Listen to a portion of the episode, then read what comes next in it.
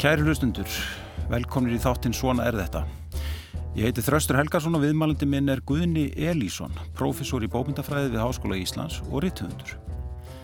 Guðni sendi nýlega frá sig sína fyrstu skáldsúgu, Ljóskildruna, sem vakið hefur talsverðið aðtekli.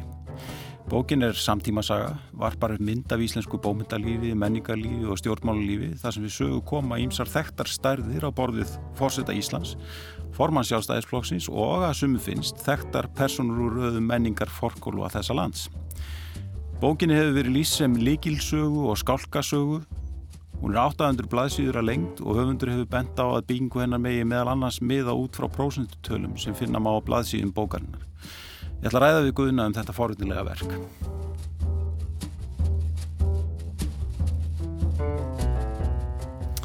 Velkomin í þáttum Guðni. Já, þakka þér fyrir. Sko, þú hefur starfað við að kenna og rannsaka bókmyndir við Háskóla Íslands í aldarfjórðung. Þú hefur sem slíkur tekið mikinn þátt í menningar og, og samfélagsumræðinu, bæði í fræðiritum og í fjölmiðlum. Uh, þú hefur til dæmis verið mjög ábyrgandi í lofslagsumræðinu í langan tíma. Hvers vegna skrifar skáldsögu núna þar sem þú tekur svona ímislegt af því sem þú hefur rætt í fyrir störfum til umfjöldunar? Af hverju að skrifa skáldsögu þegar þú hefur, hefur í raun og veru mm -hmm. verið að vinna á þessum vettangi en bara í öðru formi? Já, um, um, einhver sagði einhver tíman að um, ef maður uh, vildi skrifa skáldsögu þá ætti maður að skrifa um eitthvað sem maður hefur þekking á. Og um, ég get auðvitað ekkert flúið minn haus þannig að um, það er kannski ekkert svona óvenjulegt að það sé svona yfir skona þræðir á milli sko fræðistarfana og uh, uh, þessara bókar. Mm. um það er samt á einhvern hátt í grundvallaratriðum öðruvísi að e, miðla því e, sem að telur sig vita um samtíman mm. í formi skaldskapar mm. e, vegna þess að þá gefs manni kostur á að láta ímiskondar sjónarmið rekast á maður getur vakið upp allskynns ólíka rattir mm. og uh, maður getur náð fram með svona miklu dýnamískari um, greiningu á samtímanum heldur um að maður gerir í fræðigreinum því að eitt af því sem skiptir máli í fræðigreinum er til dæmis það að, að velja sér sjónarhorn afmarka það vel og, og fylgja því svo eftir með raukstuðningi og dæmum, leiða mm. það út Já. en við það tapast oft sko gríðarlega mikið af e, e, svona viðbótar merkingunni sem er miklu öðveldar að ná fram í í skaldskapa mínum að Já, þú ert að tala um kannski svona e, margrötununa sem að sem að skaldsagan felur í sér. Já, það má alveg Það er að leiða saman ímsa rattir hérðan og þaðan og... Já, og svona sem sko e, sem svona, svona, svona e, tæki til samfélagsgreiningar. Mm e, þá er skáldsagan að mörguleiti sko, mjög hendug e, leið til þess að, eh, að e, svona fylgja hlutum eftir á meðan fræð, í fræðunum þá þarf maður á einhvern hátt að afmarka á hvernig línur mm. það er hægt að skrifa stóru mikla bókum Íslands samfélagan það er það er, það er þá gert á öðru annan hátt. Mm. Ég til dæmis eh, spekla fjármála og stjórnmála lífið við menningarlífið.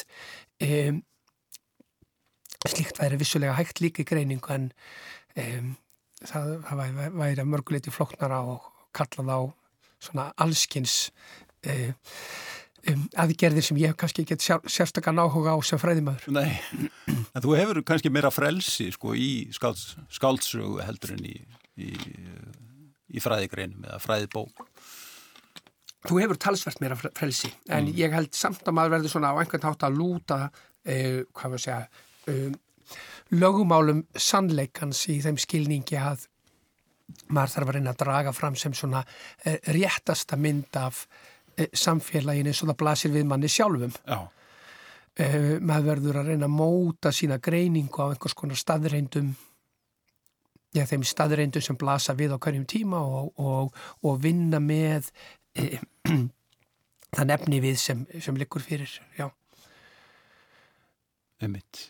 Sko, skaldsagan er ekki, hún er, hún er sko marg flókið bómdaform og er í raun og veru ekki eitthvað eitt form eins og ég skil hann að minnskosti og þú og þú reyndar vinnur með alls konar textaform inn í það, það er eins og sem er að benda á heil ljóðabók til dæmis inn inn í, inn í skaldsugunni og barnabók. Og barnabók og, og, og hérna og, og það er alls konar greiningarform inn í þessari bók líka.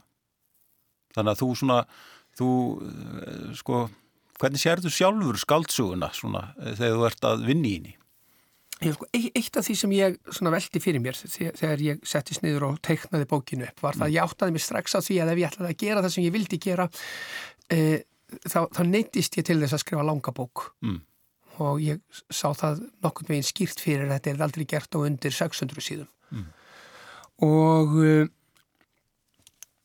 e, Mér langaði ekki til þess að skrifa þennan dæmigerða íslenska þríleik eh, vegna þess að ef ég hefði farið þá leið þá hefði ég þurft að á einhvern hátt að, að búa til einhverja þrjár nokkuð sjálfstæðar frásagnareiningar eh, sem mynduðu síðan eina heild Já. og mér langaði að búa til verk sem væri ein frásagnareining mm. eh, sem liti innri struktúr sem gengi upp um sko innan þessa tiltekna verks. Og um, sko eitt af því svona sem ég held að hafi einkjent svolítið skáldsöguna bara frá yruninni upphafs áramennar er það að hún kemur fram á tíma þegar um, borgarastjættin er að rýsa og það er að koma fram öflugar prentsmiðjur. Mm. um, hún er mjög markaðs drifið fyrirbæri.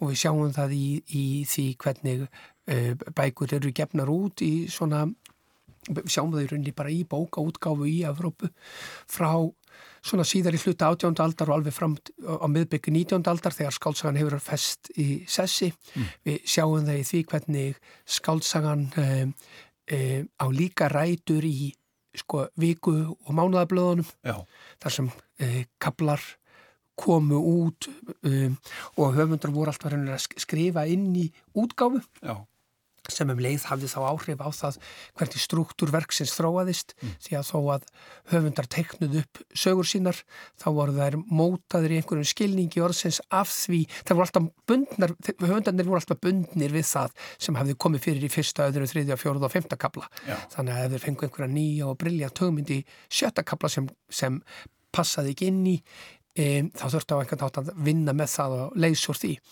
e, Þannig að í einhverjum skilningi orðsins þá er um, hefur, hefur skáltsagan löngum verið svolítið svona um, óagaðra form heldur en eldri form Já.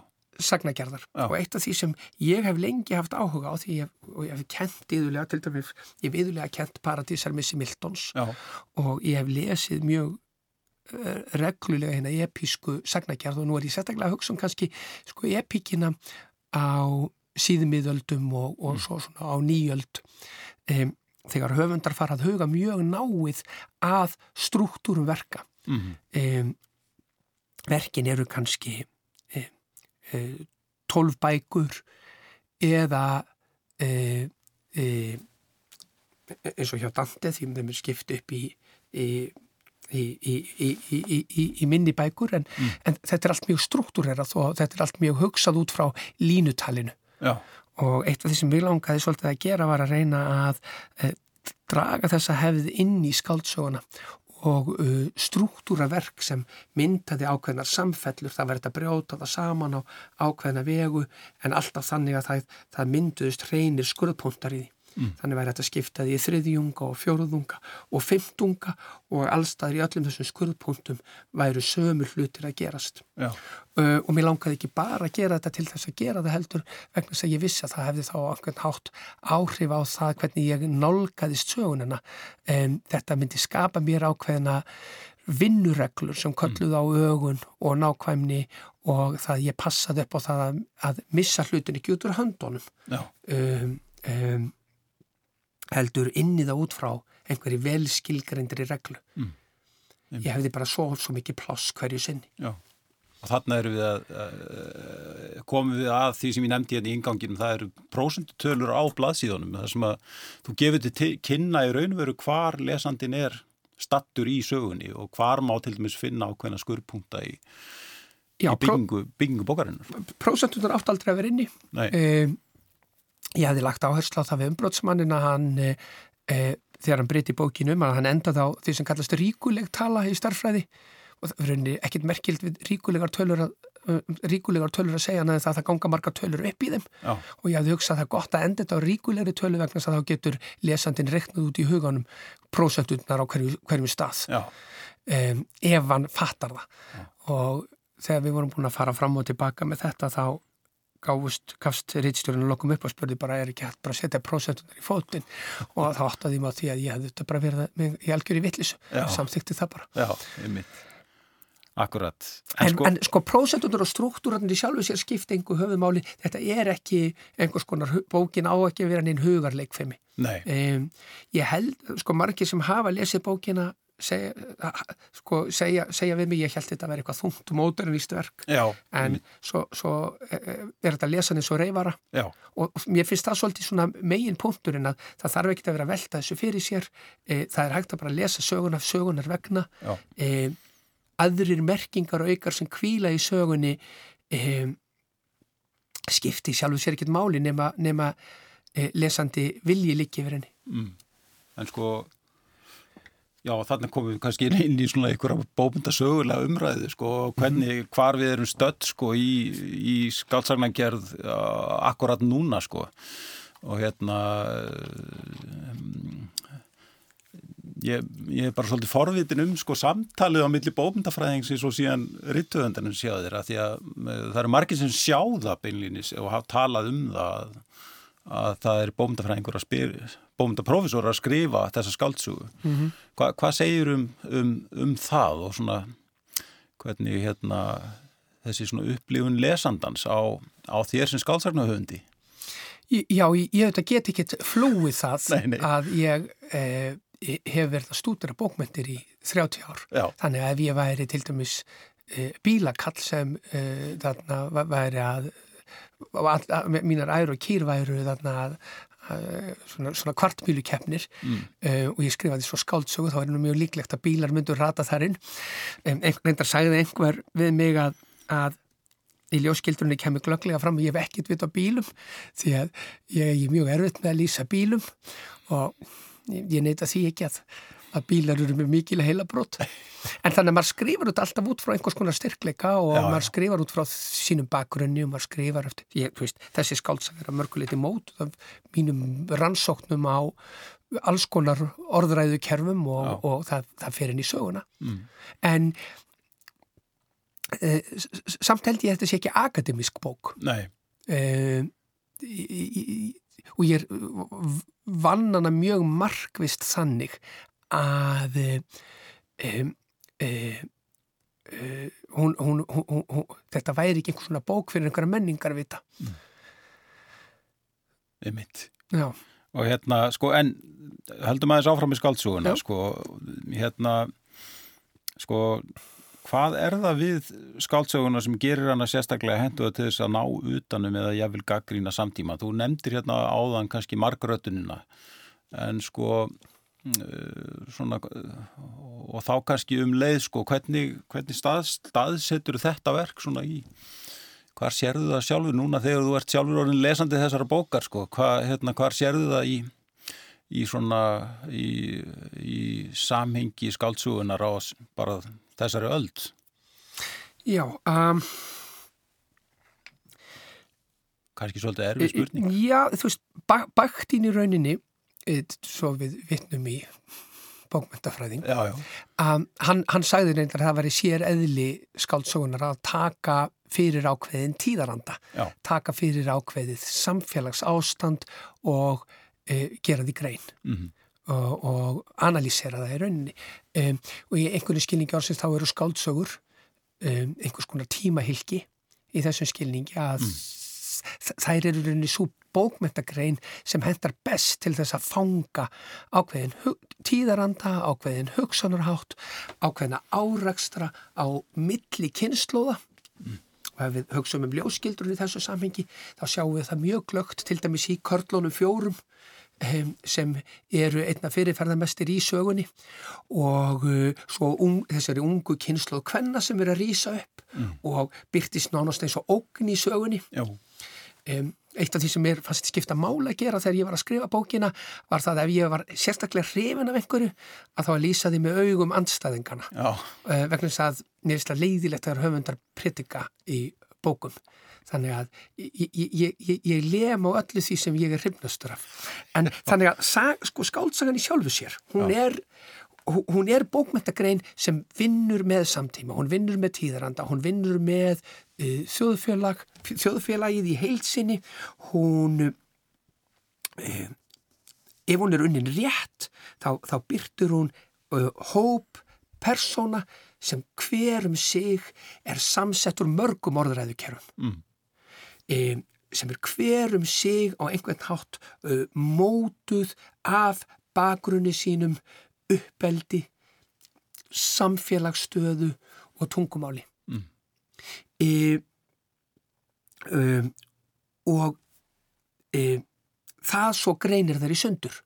Svo eru alls konar aðri hlutir sem e, koma þarna inn sem geta á einhvern hátt skekt þessa samfélagsmynd. Mm. Ég tók til dæmis mjög fljótt ákverðinu það þegar ég var að vinna söguna að tungumáli sem ég myndi nota væri á einhvern hátt ég myndi búa til í einhverju skilningi orðsins hlýðar veruleika eh, við íslenskan veruleika mm. í, í því hvernig ég notaði tungumálið eins og til dæmis í því að eh, það er aldrei notað slettur mm. í sögunni allt er þýtt við tölum ekki um Time Magazine, við tölum um vikublaði tíma og svona, mm. þannig að í einhverju skilningi orðsins þá verður til einhver veruleiki þar sem sko íslensk tunga um, er sko, stórt og mikið viðfangsefni ja. og er lift upp í íróniskar hæðir í sögunni. Mm. Þannig að á sama tíma og sagan er tilröðin til þess að greina íslenskan samtíma, þá er hún líka í einhverjum skilningi á þessi leikur með íslenskan samtíma og fjarlæging frá honum. Einmitt. Nákvæmlega. Sko, ég, svo er annað kannski í bókinni sem að hérna sem vekur aðtikli í þessu samingi sem er það, er, það er mikið um tilvittnanir, þú ert mikið að vittna í önnur, önnur verk mm -hmm. og, og þú ferð mjög víða en þú byrjar þarna á, á Stendal mm -hmm. e, það sem mann í skáldsögu sinum ástina hvetur auðmenn og rutta til að loka þessari bók strax mm -hmm. og, og sérstaklega þeir stýra banka eru framleiðundur eða virðulegir innreikundur í stuttumálu sagt mannisk sem er ákvæmlega jákvætt viðhorf. Já. þetta er mjög stríðnislega aðtöðsum þarna í, í upphæði bókarinnar. Sko, það, það, eru, sko, ég, var að vinna skáldsugum íslenska bankarhunnið e, millir 2002 og 2006 mm. og skrifaði svona 200 og eitthvað síður af henni. Um, í þessari bók eru bara rauninni þrýr litlir kablar e, úr þessari gamlu sógi, ég flegði öllu hinnu. Mm. Það er e, uppásluti 12. kabla Þorlagsmessu Salmur sem ég byrti nú reyndari sem pistil hjá þér mm. á sínum tíma já. og fór svo þannig inn. Já, ég les bókinni. Já, hann hefur, hann hefur svona allegóriska merkingu fyrir allt það sem fylgir og eftir í 12. og 13. kabla. Mm. Síðan er það kabli í 14. hluta og þessi kvotur stendal um, sem um, því að þá var, svona, svona, þá, þá var bankastjóri e, fyrirferða mikil karakter í sögunni e, en mörg af elementunum úr þessum bankastjóra voru svo færið yfir aðra personur. Mm. Ólafur Helgi til dæmis er komin með ímsaf e, eiginleikum þessa gamla bankastjóra. En e, í einhverju skilingjórsins já, þá er þetta, þessi skáltsaga, hún er uppgjör við utopíska hugsunum, hún er uppgjör við auðsöfnun, hún er Uh, gaggríni á nýfrjálsíkju, á marxisma, hún er gaggríni á alla þessar stóru um, um, um, kenningar mm. sem hafa sko mótað hugarfar okkar vesturlanda búa í núna 120 ár Já. og við erum ekki búin að sleppa höndunum af. Nei, sko ljóskildra, ég, það fyrsta sem mér dætti í hug er svartól. Mm -hmm. Hva, hvað er ljóskildra? Já, um, Í sögunni þá er ljóskildran skilgreind í einhverjum skilningar sem, sem svartól. Mm. Uh, sonnettan í, við, við lok tóltakabla er uh, sonnetta um látna konu sem er líst sem, nánast sem svartóli, sem þráin og ástin sveimar í kringum um, í sögunni sjálfur er held ég 15 mismunandi skilgreiningar á ljóskildrunni mm. ljóðið sem Jakob Yrkir heitir líka ljóskildran um, en það eru held ég 15 skilgreiningar eða svo á því verkingu orðsins um, með því að lesa um, sig inn í verkið, það mætti alveg held ég auðvitað bæta svona tíu skilgreiningu við, ég er svona með ég bjóð mér til listam þar sem ég spurði með spurningarnar hvað er ljóskildran mm. og ég er komin upp í held ég 25-6 mismunandi skilgreiningar. En ef leiður komin í það þá hefur rauninni sko hafa merkingarnir auk, aukarnir borið mann ofurliði. Mm. Þannig að ef þú spyrðir mig hvað er ljóskildran þá get ég sagt, ég veit það ekki rauninni, Nei. hún er ímislegt uh, og í rauninni það að svara því á einhvern einn hátt er í rauninni að, að sko uh, draga úr þeim möguleikum sem um, merkingar sem sefur. Já, en maður dettur líka hug sko samtíminn mm -hmm. og, og það sem þú varst að nefna hérna áður um, um, um sé, markaðsíkju uh, og allt þetta fagra ljós sem að samt mhm. dregur okkur inn í Já. einhvers konar að einhverjum endapunkti og, og maður, náttúrulega kemst ekkit fram hjá því að, að heyra eitthvað staðar á bakvið og þú minnist undum á það í bókinni að þú ert þú hefur talað mjög mikið um, um lofslagsmál og, og þann og, og, og þann svona punkt sem við erum að nálgast í þeim efnum. Já, já þetta hagvakstar hugmyndin og allar já. þessar framþróunar kenningar sem eru í gangi, þetta er allt ljóskildrur. Mm. Þetta er allt ljóskildrur í þeim skilningi að, að það eru drifnar áfram af innistæðu lítilli von. Nákvæmlega. Um, þær eru drifnar áfram af vilja til þess að hafna uh, þeim veruleika sem er allt í kringum okkur. Mm. Uh, þeim veruleika sem til dæmis vistkerfið kvílir á og þeim þannig að, að í einhverjum skilningi orðsins þá mætti segja svona að, að sko víðasta skilgreiningin á ljóskildrunni væri hugmyndafræðin. Mm. Eh, ég ger engan mun á nýfrjálfsíku, marxisma og uh, til dæmis sko, bókstafskristinni trú. Nei. Þetta er bara mismunandi form trúarbræða mm. með sínar uh, grundvallar reglur og sínar skekkjur. Þannig að uh, um, og eitt af því sem var svolítið svona flókið að vinna með þarna, að við horfum að byrtuna í sögunni, að um, um, ljós í þessari sögu um, hefur ekki endilega í jákvæðar skýrskotanir mm. Og um, sem er uh, svolítið annað en það sem okkur er kent í raun og veru í afmenningunni og... Já, það sem myrkur er vond og ljós er gott. Já. þannig er það problemis er að Já, einmitt. Sko það er annar svona hérna, þráður sem að kannski hefur mestur rætt um í sambandi við bókina og það er svona það er á köfnum hart deilt á menningar ástand samtímans mm -hmm. í bókinni uh, menningar umræðina ríkisútarpi fær fyrir verðina þarna mm á einum stað. Reyndar er það HMS Hermann sem að, hérna, fer með þá ræðu. En sko og, það, og fólk hefur spurt sig að því og við hefum heyrta í, bara í rittómum um mm -hmm. verkið sko, hvort að þessum höfundi sé að ítla við eða ja, finnist ekki sko, mikið til Íslands menningalins koma mm -hmm. hvað, seg, hvað segir um það?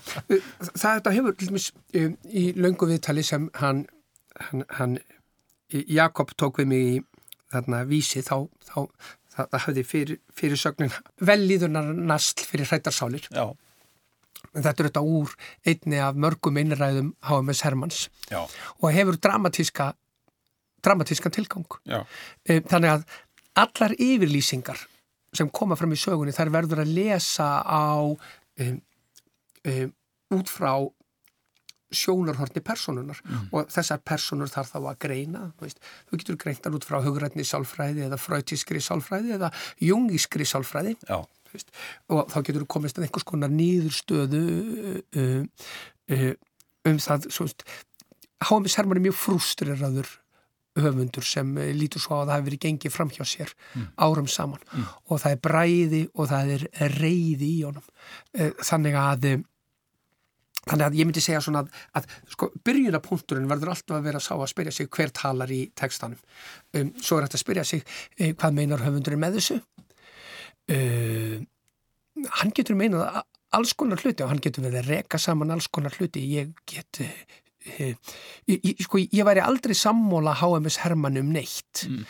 Jafnvel þegar hann segir hluti uh, sem ég get tekið undir. Mm. Því samhengir allt samhengir allt. Þú getur týnt til setningar eftir manneskjur sem uh, uh, þú vart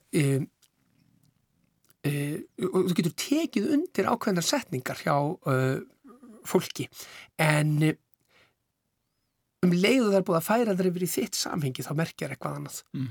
Þannig að ég myndi segja, jú, það er ákveðin kritik á Íslands menningar ástand í sögunni. Mm. Mér finnst mér, mér finnst íslensk, að íslenskir réttöfundar mættu margir, við erum ekki tala um alla, mm. mættu margir e, vera gaggrítni á ástandið. Mm. Vi, við búum á tímum þegar í rauninni allt er á leiðinni bara e það er allt í rauninni að fara til anskotans mm. og, og e, rítumvöldastjættin mætt alveg vera krítiskara afl, mm. Eh, minna um naflaskoðun, eh, meira um bara alvöru samfélagskritik mm. og ég held reyndar að yngsta kynnslóðin sé að koma svolítið sterkinn þar en, en, en mín kynnslóð mætti gera meiriði. Já, hérna... Sko... Var, það var einhver annar punktur í spurningunni þinni sem ég týndi held ég. Nei, nei, ég held ekki sko, en sko, en bara í framaldi sko, það hefur verið talað um bókina sem skálkasögu, það hefur verið talað um svona karnival, mm -hmm. stemningu í henni sem, sem eh, er alveg rétt sko, það er heilmikið svona eiginlega heimsósóm í henni, -hmm. hvernig myndur sko kannski sjálfur lýsa bókinni -hmm. svona í þessu samingi? Já, er, þetta er, þetta er, þetta er verk sem fókusera svolítið á heimsósoma. Mm. Uh, Man getur spurt, svona svo þarna, þegar Lót gamli fór inn í, í, í miklu syndaborgir, Sódóm og Gómur að leita af, af heiðverðum sálum og, og fann lenga. Um, þá getur þau spurt, er þetta líka reglan í ljóskildrunni? Svo er ekki. En og það eru alls konar dæmi út um allt í bókinu um, um til dæmis e, manneskjur sem láta sig sko, sem láta sig í því góða skipta máli bara svo eitt lítið dæmi sem ég ekki tekið er það þegar Jakob í sorgsinni vannrækir dóttur sína og hún fyrir skítugum fötum í leikskólan og kemur alltaf við hreinum fötum heim mm. e, bókaútgefandin að við, við hugsaum um bókaútgefandan að, að, að áttundi kapli byrjar á sko átt að sína randi HMS Hermann sem heimska bókaútgefandur en bókaútgefandi sem stígur fram í sögunni um, hann passar upp á Jakob hann fyllir pókanas að barnabókum um, þannig að um, eitt sem skiptir rosalega miklu máli er það að, að þegar vegna þess að söguvitundin hún hoppar á milli hausa að láta ekki litast af henni tóksísku sín á hlutina, mm. að lesa mótið í og, og finna dygðirnar sem eru alltaf í kring, stundum eru það bara afgreitir í aukasetningu mm -hmm. eru afgreitir í aukasetningu en þá þarf maður að staldra við og segja þarna er það og það er allt í kring og ég þurfti að passa mig á því að hleypa því ekki of mikið upp á yfirborðið e, þannig að e, þetta er heimsósóma verk Um, en það er þetta líka heimsósama verki þeim skilningi að þetta er saga af einstaklingum sem eru mótaður af blindum metnaði mm. uh, sérhagsmuna gæslu uh, þörfin á að brjóta á öðrum mm. komast upp á toppin hversu ómerkilegur sem hann kann að vera uh, hvað sem það kostar og í þeim skilingi er líka ákveðin íróni í gangi vegna þess að þetta er saga sem í einhvern skilingi orðsins hverfist um íslenskt menningarlíf en ef þú skoðar það náið í sögunni það skiptir íslenskt menningarlíf einhver máli í sögunni mm. það er öllum samum það mm. e, það fer bara að skipta máli vegna þess að fórsetin og fórsetis er á þeirra að fara að metast Einmitt. en þú getur líka að segja það að það les engin eitt mm. í sögunni Nei. Það er allir að tala um bækur, það lesa enginn bækurnar. Ef þú skoðar til dæmis þarna kveisugröss, mm. þá ákættu e, þarna, þá ákjáttu ljóðabók H.M.S. Hermans mm. og nú skal ég gefa þér eitt ef þú flettur upp orðinu kveisugröss mm. í orðabókinu þá sér það það er annan nafni við ljósbera e, en það hefur líka kveisugrassamerkingin liggur líka í maga og ónöldum skáldsins Já. en ef þú skoðar alla umfjöllunum um kveisugröss í bókinni. Mm. Þá byrjar það á því að þeirra nokk kapitóla siti í bíl sínum á leiðinni í, í bæin 1. desember og uh, forsættin hann les upp baktekstan, mm. lýsingun á kveisugrössum þar. Alltaf þegar vísaðir í kveisugrössi í bókinni þá er alltaf vísað í baktekstan. Það er aldrei vísað í innihaldið. Nei, það, hafa, það, það eru allir alltaf að skoða hlýðartekstana eða jæðartekstana. Það fer engin og hefur fyrir því að lesa bókina. Það sama gerir Háamis Hermann þegar hann talar um stelpaandskotan. Hann er búin að tala heilmikið um ljóðinennar. Undir lokin þá viðurkennar hann hafa aldrei lesið hann, hann hefur skoðað kápuna og þetta er í einhverjum skilningi líka svona ákveðið viðfangsefni og bara við tökum kveisugröss sem dæmi, ég orti tíu ljóð í kveisugröss, mm. bara til að fá tilfinningu fyrir bókinni, mm -hmm. við komum hverkið fram í skáldsóginni en ég orti þau til þess að vita hvernig Háames Hermann yrkir væminn náttúruljóð mm.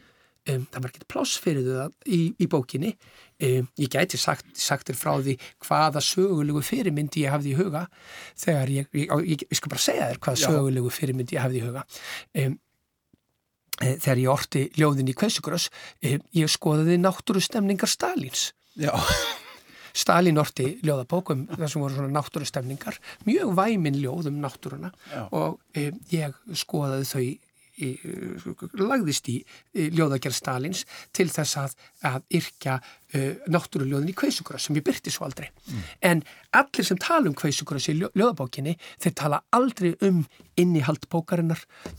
Eina sem þú færð er baksíðu tekstin. Einmitt. En þú er reynd að tala um það einmitt. Að, að, að hérna í, svona eftir að bókin kom út að, að fólk lesi ekki nóg mikið og þú reynd að tala í sérstaklega um reythunda í því, því samhengi. Já, ég held ég við sagt eitthvað á á, á það lunda, ég saknaði stundum að, að, að já, að ríðtöfundar mættu lesa meira. Já. Um, ég var nú skammaði fyrir það. Já, já. En hva, hvað er þetta að fara? Er, finnst, þér, finnst þér það vera sem sé, mér finnst þú ert að segja eitthvað um samtíman sem mér, sé. Mér finnst skorta resonans já. í of mikið af íslenskum bókmæntum. Já. Uh, mér finnst of mikið af íslenskum bókmæntum vera naflaskoðan. Já. Eiríkur Örn að skrifa um Eirík Örn. Já.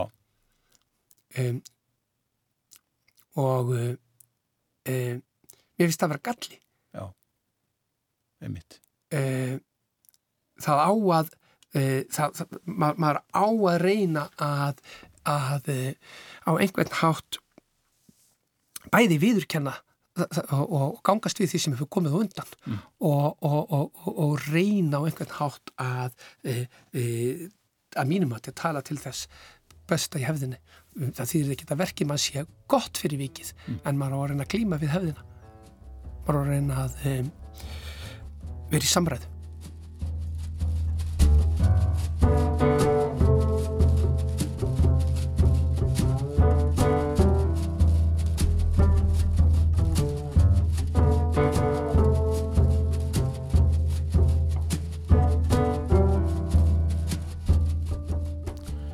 Kæru hlustundur, ég heiti Þraustur Helgason og þeir eru að hlusta á þáttinn Svona er þetta. Gestur minna þessu sinni er Guðni Elísson, bómyndafræðingur og rítuhundur. Í þessum þáttum hefur við rætti forðunlegt fólk úr ímsum kymum samfélagsins um reynslu þess og viðhorf. Dagur B. Eggertsson rætti um skiptarskoðanir á þróun Reykjavíkuborgar. Hægt er að hlusta á Svona er þetta í spilararúf og í öllum helstu hlaðvarps veitum. Ég held að sérendar uh, orðin mikið meiri breytt í skoðunum hjá til dæmis uppbyggingaraðlum og verktökum mm. en, en það er alveg áberandi að til dæmis hagsmannadalar eins og samtöku einaðarins hafa í raun tekið afstöðu með þeim sem að vilja uh, ganga lengst í hináttina. Það er er ágöðin hópur verktaka sem finnst bara miklu þægilegri tilöksun að fá uh, nýtt land eitthvað stær í útjæðrinum geta komið sér vel fyrir með sín tólotæki uh, grafið hólu uh, gert veg og selt íbúðir. Uh, en, en hvað, hvað, hvað skilur það eftir sig? Jú, það skilur kannski eftir sig ágæðis íbúðir en það skilur eftir kostnað samfélagsins við að leggja lengri vegi, lengri veitur og, og allt það sem fylgir útþenslunni Guðni, sko bókin fjallar um tvo reytuhunda, Jakob og Hermann. Áar og ólíka karaktera. Hvers vegna reytuhundar og af hverju þessi tveir karlar? Hvernig eru þeir til, hvernig var Hermann til? Það er mikið búið að tala um Hermann. Já, Hermann hefur svolítið e, þarna tekið völdin í umræðinni um, e, þegar ég var að teikna bókina þá uh, lagði ég upp með, ég til að byrja með þá lagði ég upp með það að uh, uh, sagar myndi snúast um sko átta grundvallar viðfangsefni. Fljótlega fjölgaði ég þeim í tólf. Tólf svona, tólf svona dýnamíska spurningar sem sagar myndi glíma við. Þegar maður komið tólf spurningar þá þetta fjölgar þeim áfram vegna þess að það verða árækstrar og maður átt að sjá því maður er raunin að tala um fleiri hluti en það en ég hugsaði bara samt nei, ég ætla bara að fókusera á þessa tólf hluti um, Hvernig spurningar eru þetta? Einn spurning sem ég spurði mig að var, var það hvernig átök, fúror og píatas um, um, hvernig, hvernig verður samsláttur fúror og píatas í verkinu Fúror og píatas var þarna bræði og mildi getum við sagt mm. þetta séu þessi tveir átakapunktar við, við sjáum þá til dæmis mjög glögglega í, hjá virkli í ennisarkviðu mm. en þetta er svona e, frásagnar minni e, sem er e, mjög ráðandi í vestrænum bókmöntum allt fram á átjóndöld mm. maður sér til dæmis mjög glögglega í drætan Já. en hann er svona kannski einn af þeim síðustu sem fyrir að vinna með þetta einfallega vegna þess að katholska kirkjan tekur yfir sko mildina og færir hann inn í personuleikan í staðin fyrir að uh, piety, í, mm. í staðin fyrir að sjá þetta sem einhvers konar svona samfélagslega uh, samfélagslega aðtöfn. Þannig að þegar ég var að hugsa um Karl hetjurnar fjórar mm. um, þá var ein af breytunum sem ég var að vinna með var það hvernig fúror og pietas eða bræði og mildi byrtist í þessum fjórum personum mm. og uh, þessar fjóra personur eru uh, mótaðar á fimm mismunandi stígum. E, fyrsta stígið er það sem ég kalla hefð góðsugulega. Hvernig get ég skoðað þessar fjórar personur sem erketýpur? Mm. Og uh, í rauninni þá ferðu í, í eldstu bókmentina til þess að finna það. Þannig var til dæmis Ólafur Helgisóldi mótaður af Eniasi mm. í, í gegnum þó Milton og gegnum Satan Miltons. E, uh, Jakob er í rauninni bara orfeifur mm. úr óvitt á meðan Hámis Hermann er Achilles Einmitt. sem er kannski ein af ástæðinu fyrir því að Hermann Stefánsson vil spekla sig í honum. Um, en, en hann er ekki bara Achilles hann er líka einhvern skilningi ársins Ódísefur hinn ráðagóði eh, hann er bjólfur. Og hann er líka eniðas í þeim skilningi að allir þessir einstaklingar halda nýður í undirheimana um, í, í leitað vitnesku og það gerir Hermann í mörg, margfældum skilningi orðsis í, í, í ljóskildrunni reyndar rétt eins og Jakob gerir. Mm. En ef við höldum okkur bara við Hermann þá getum við sagt á góðsögulega planinu þá var hann fyrst og fremst Achilles og þið getur veltið sjálf fyrir ykkur hvernig Fúrur og Píatas uh, spila rullu í persónusköpun Achillesar mm -hmm. í Iljónskveðu. Uh, í öðru lagi þá erum við bókmentasögulega samhengið og þar uh, skoða ég svolítið frá, frá kabla til kabla um, hvaða dýnamísku atriði eru í gangi þegar það verður að lýsa Hermanni? Og ég ætla bara að taka sem dæmi núna þrjá kabla, tíundakabla, tóltakabla og fjórtundakabla því að það, það hægist á atbörðarásinni, hún fer úr því að vera keirð áfram af einhvers konar frásagnar drifnum elementum yfir í einhvers konar stöðnun eða, eða, eða um, það, það, það eru rauninni verið að leggja rauninni netin út um allt í tíunda, tólta og fjórtundakabla mm Þannig að hún færist úr þessari svona kannsana episku frásögn í dramatíska frásögn. E, þar var til dæmis eina af breytunum sem ég skoðaði þegar ég var að vinna með Herman e, var hvernig er hann svona, á, á hvaða hátt minnir hann á e, the malcontent, mm. þennan ófullnægða reyða einstakling breskra enduristnar bókmenta mm. sem Marston, John Marston gerir góðu skil í e, samlemdu verki sínu. Mm. Hann, er, hann er eins og sjakk í þarna, í, í, þarna, þarna e, e, sem eru þóknast. Hann er eins og Hamlet í Hamlet. Hann er eins og Jago í Othello. Mm. og ef, ef þú skoða það hvernig e, þarna Hámis Hermann e, talar við skáldin á skakkulöp þegar hann er að grafa undan keppinaut sínum þá er til dæmis ein leið til þess að, að, að fatta það hvernig það virkar er að bera hann saman við Jago mm. í þriðalagi eru sögulegar fyrirmyndir. Og þá spyr ég mig spurninga eins og þegar Hermann er að skrifa pislana sína og hann skrifar mjög svona grimma og harða pisla og þá spurði mér spurningarnar hvernig skrifar maður svo böðl? Mm. og eitt af því sem ég gerði var það að ég lagðist yfir til dæmis skrif þískra saksóknara og sovjeskra saksóknara í stríðinu.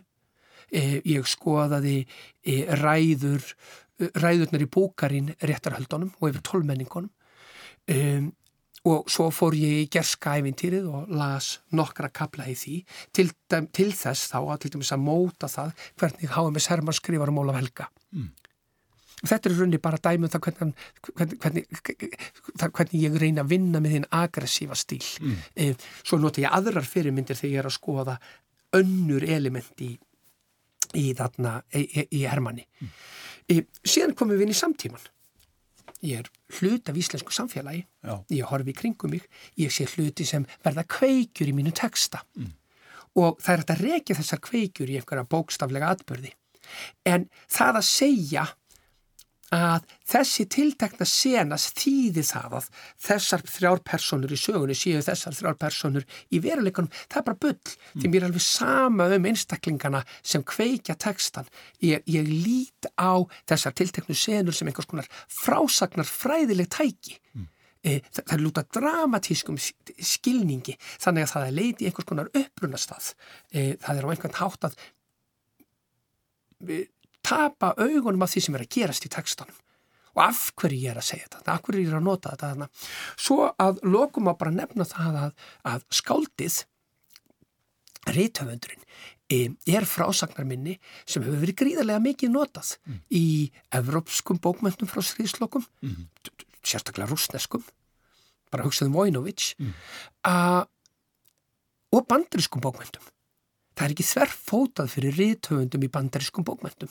Þannig að allt þetta uh, uh, notar maður til þess að reyna að velta því fyrir sér uh, hvernig verður Herman til um, en ekki því að reyna að, að fara með, með, með, sína, sína skrið eða vera, vera á einhvern hátt að bera einhverja svona, sína týru upp á textanum og segja e, þetta er ég og þetta er ég og þetta er ég og sérstaklega í ógeðslegustu kaplanum, þetta er mm. augljóslegasta ég mm. augljóslega ég. Það er bara ekki góði leið til þess að lesa og gefur ekkit, gefur ekkit mikið af sér Þú ert að hafna því algjörlega að Hámis Hermanns ég Hermann Stefánsson Ég, það, bara, það er svona óspennandi leið til þess að greina textan og heimskuleg leið hjá mér því að þú veist, ok, ef þú ætlar að skrifa líkilsögu ef þú ætlar að skrifa líkilsögu þá, þá er tilgangunum svo að græða á henni mm. Það er ekki metnaður í því hver svo höfundur sem ákveður að skrifa líkilverk e, sínir ekki mikinn metnað. Um, það voru gróða hugssjónin það sem á að ráða förinni. En þá reynir að velja einhvern sem er frægur, einhvern sem selur bókina þína, þá myndi ég miklu frekar vilja skrifa uh, veist, skáldsögum eða, eða smára eða, eða um, einhvern sem selur þá bókina mína. Mm. Um, fremur en að velja þá leið að taka einhvern, já, ekkert svo þekktan höfund og, og skrifum hann 800 sína skaldsögu. Einmitt. Þú ert að teikna upp mjög karlæga mynd af íslensku menningar og stjórnmálulífi. Jú. Konundar eru í, eru í auka hlutverki í, mm -hmm. í sögunniðinni. Já. Hvað ert að, að fara með þessu? Já. Um, eitt af því sem ég fannst spennandi að reyna að gera í sögunni var það að reyna að um, láta sín kallan á einhvern hátti lita allt. Um, ef við skoðum síni Jakobs á Láru þá er hún marglaga. Við sjáum Láru í gegnum ljóðið ljóskildran við sjá, sjáum Láru í gegnum sonnetunar hans mm. og við sjáum í rauninni Láru í rauninni bara í gegnum þriðja og fjórðakabla sem eru mótaður af endurminningu Jakobs og senunum mm. en ef þið skoði til dæmis, ef, maður, ef þið skoðar þriðja og fjórðakablan svolítið náið mm.